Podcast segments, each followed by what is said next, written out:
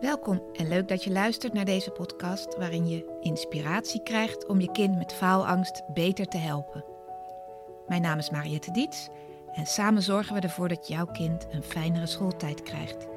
Dit is de Pubers met Faalangst podcast. Vandaag wil ik het met je hebben over boodschappen die een kind meekrijgt. Boodschappen van huis uit, boodschappen van school uit. Ik sprak vanmorgen een uh, moeder en daar had een, die vertelde over haar dochter van 16 dat de meester in groep 7 had gezegd: Jij hebt zo'n laag werktempo. Met dit tempo ga jij er niet komen. En dat soort zinnen op die leeftijd worden een soort um, je wordt echt in je brein geprogrammeerd van dit ben ik. Ik ben iemand met een laag werktempo en ik ga er dus niet komen met dit lage werktempo. En zo heb, heb ik ook wel eens een meisje van 16 gecoacht waarvan een docent bij de profielkeuze had gezegd: Jij was de docent wiskunde, jij moet geen wiskunde B kiezen, want dat kan jij niet. En ze had toch wiskunde B gekozen. En in de derde, vierde, nee, in de vierde en vijfde klas Elke keer als het niet zo lekker ging met wiskunde, kwam die stem van die docent weer op. Hij had gelijk, ik kan dit niet. En het is goed bedoeld als iemand zoiets zegt en zo'n advies geeft, maar het versterkt niet. En nou heb ik het over leraren, maar wat geven we als ouders aan boodschappen mee aan kinderen? En daar wil ik deze aflevering ook op focussen. Als jouw kind stressgedachten heeft van ik mag geen onvoldoende halen, ik, ik heb stress, ik moet over. Waar komt dat vandaan? En soms vraag ik het ook, of meestal eigenlijk aan ouders bij een intakegesprek. Hoe erg is het als je kind blijft zitten? En meestal zeggen ze ook, nou dat vind ik helemaal niet erg, maar soms zit er wel iets van, ja, dat zou ik toch wel zonde vinden. En uh, hoe erg is het als je kind afstroomt? Ja, afstroomt hè, van VWO naar HAVO of van HAVO naar MAVO. Ja, dat zou ik toch wel erg vinden, want in de basisschool, op de basisschool hadden ze dit advies. Dan zijn ze nu dit en, en dan weer dat. En dus daar zitten allerlei verwachtingen in jou als ouder. En je kind maakt die niet waar of het komt er niet uit. dat zeg je ook wel eens letterlijk, zeggen ouders bij het aanmelden. Het zit er wel in, maar het komt er niet uit. Uh, Thea Adema, een van de grootste kindercoaches van Nederland, die zegt ook wel eens: Kinderen zijn geen citroenen, dat je er even in knijpt en dat het er dan uitkomt. Dus dat is vaak een zorg van ouders. Het zit er wel in, het komt er niet uit, maar wat kan je daarmee? Hè? Er is ook zo'n spreekwoord van gras gaat niet harder groeien als je eraan trekt. Dus laat je kind gewoon in zijn eigen tempo groeien. En is dat met een hoogbegaafd brein op de MAVO, dan is dat op zich ook niet zo erg. Want je kind komt er wel. Dat is wat ik je vooral wil meegeven in, eh, in deze aflevering dat jij ook meer vertrouwen gaat voelen. Dat het je kind er wel komt. Ook als het een niveau lager is. Ook als het via een omweg is. Ook als het via blijven zitten is. Want dit is de puberteit van kinderen. En dit is ook de periode waarin ze moeten leren: wie ben ik? Wie ben ik ten opzichte van anderen? Wie ben ik in deze vriendengroep? Bij wie wil ik horen? Bij wie wil ik niet horen? Het gebeurt ontzettend veel. En dan ook nog: hoe ga ik om met negatief nieuws? Hoe ga ik om met kinderen die het beter doen? Hoe ga ik om met oorlog? Hoe ga ik om met uh, mensen die roepen dat de aarde vergaat? ga je maar eens staande houden. Als kind moet je dat allemaal leren. En zeker gevoelige kinderen. Daarvoor is dat een hele klus van hoe blijf ik toch in mijn bubbel, in mijn leven. En zorg ik dat, dat ik een leuk leven heb. En dat is zo'n belangrijke les. En die vergeten we helemaal. Op school wordt daar helemaal niet mee omgegaan. Op school is de focus op: uh, heb je voldoende voldoendes? Heb je goed, zijn je cijfers goed genoeg om over te gaan? En dan komen er gesprekjes. Als jij zo doorgaat, dan ga jij niet over dit jaar. Of als jij zo doorgaat, dan moet je naar de HAVO of naar de MAVO. En dat doet wat met kinderen en dat legt druk op kinderen. En aan de ene kant wil je als ouders wat ik net zei, dat dat wat erin zit er ook uitkomt. En misschien zeg je het niet eens hardop, maar is dat wel een zorg die je voelt? Maar aan de andere kant geeft dat dus ook druk aan kinderen. Dus ga eens bij jezelf na. Hoe erg is het nu echt als je kind dit jaar verknalt? Misschien moet je kind van school. Ja, maar dit, ja, maar dat. Nou, dan ga je naar een andere school. Misschien moet je kind volwassen onderwijs doen. Nou ja, dan dat. Maar er zijn altijd wel oplossingen. Dus probeer voor jezelf ook te kijken waar dat vandaan komt, dat jij dat belangrijk vindt. En ik spreek aan de ene kant vaak ouders die dat diploma heel belangrijk vinden. En dat is natuurlijk ook wat de maatschappij verwacht. Maar ik had laatst ook, sprak ik een moeder en die zei, was een ondernemersmoeder en haar man ook ondernemer. En die zoon, het lukte niet met school, hij wilde eigenlijk van school. En op een gegeven moment zei die vader, nou jongen, dan ga je toch zonder diploma. Jij wil ondernemen, gaan we samen naar de KVK en dan ga ik jou helpen je bedrijf op te bouwen.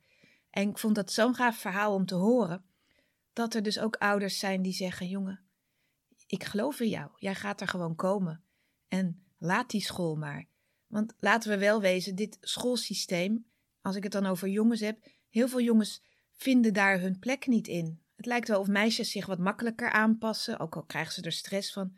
Maar jongens, die, ja, die moeten gewoon dingen ontdekken in de wereld. En als ik dan bijvoorbeeld onze zoon zie, super enthousiast over geschiedenis, kan er uren over vertellen, is echt gepassioneerd en dat hebben niet heel veel kinderen. Haalt hij een vijf voor een toets, het was zelfs een vier en een half, maar hij heeft hem volgens mij omhoog gepraat. En die leraar zei ook, ik weet dat jij het kan, ik weet dat je alles snapt. Jij kan alleen niet door dat hoepeltje springen wat ze verwachten bij examens.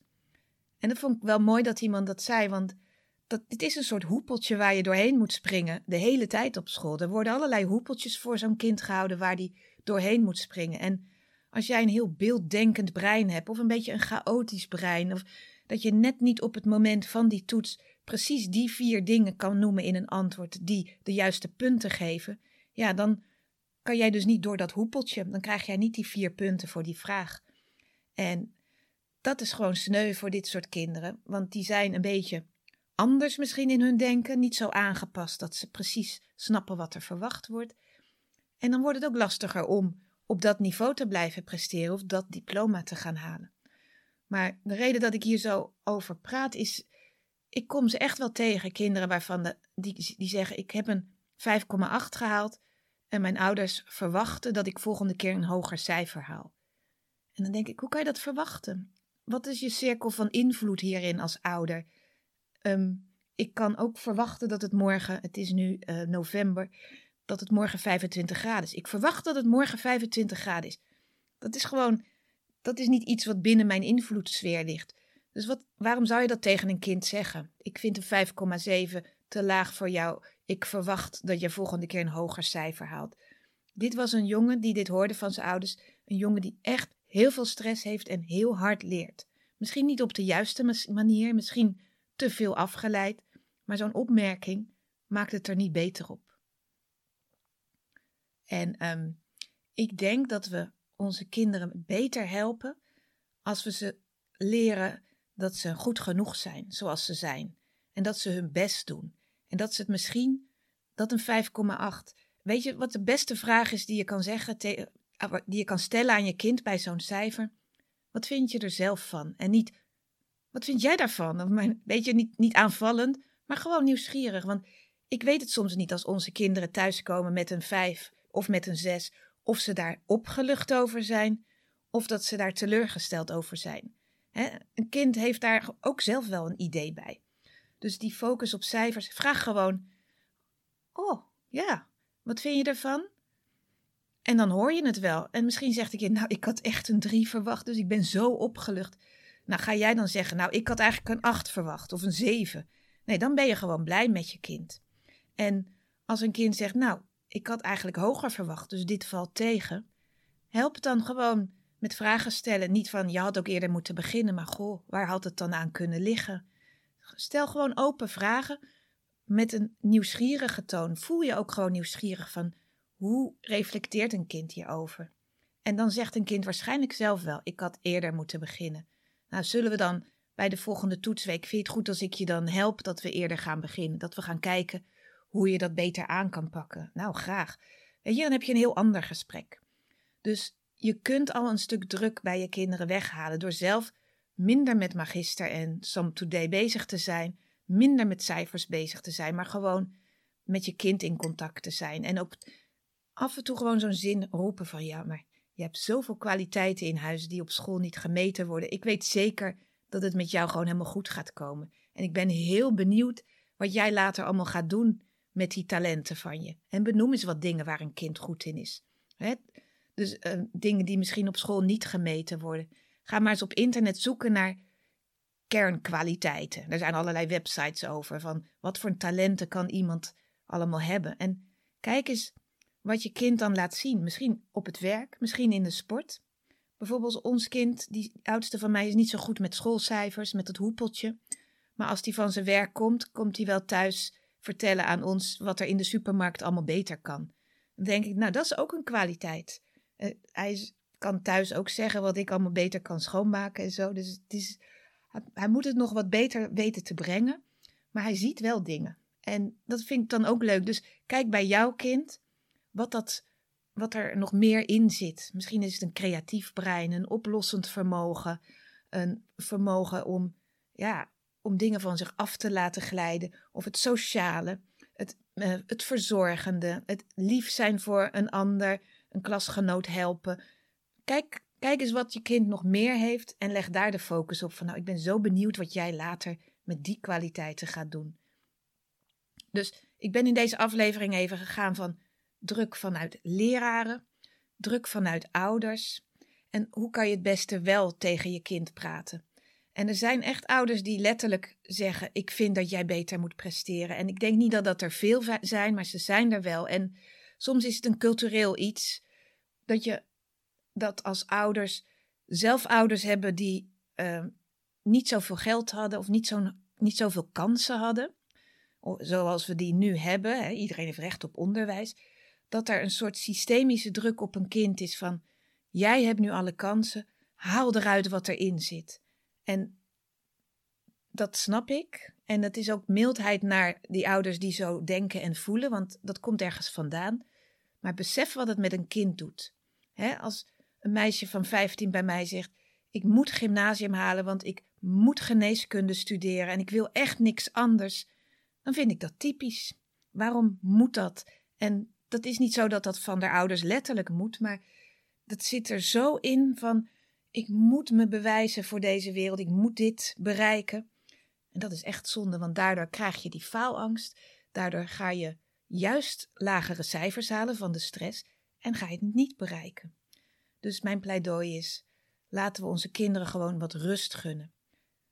ik, ik begeleid iemand die vastzit in een vechtscheiding. Twee ouders, een rechtszaak, bla bla bla geen details hier, maar ze heeft een vriendengroep gevonden. En daar is ze nu veel meer mee bezig dan met school. En dan denk ik, dat is wat ze nu nodig heeft. Want ze zit nu lekkerder in haar vel, omdat ze daar met die vriend is.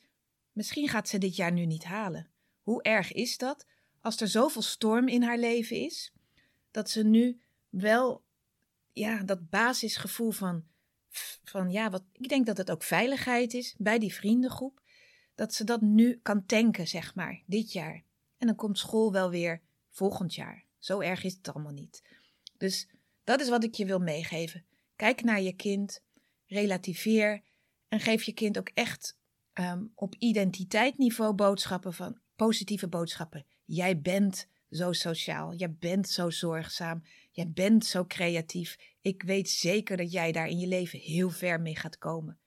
En verder kan je je kind gewoon praktisch helpen met de cijfers. Maar haal de druk van die cijfers een beetje af. Want ja, je kind is zoveel meer. Dat was het voor deze keer. Ik spreek je de volgende keer weer. Doei doei. Bedankt weer voor het luisteren naar de Pubers met Faalangst podcast. Wil je met mij sparren over jullie situatie? Dan kun je altijd een gratis kennismakingsgesprek inplannen via www.dietscoaching.nl. Vind je deze podcast interessant? Abonneer je dan en geef hem een goede review. Dat helpt mij enorm om nog meer ouders te bereiken.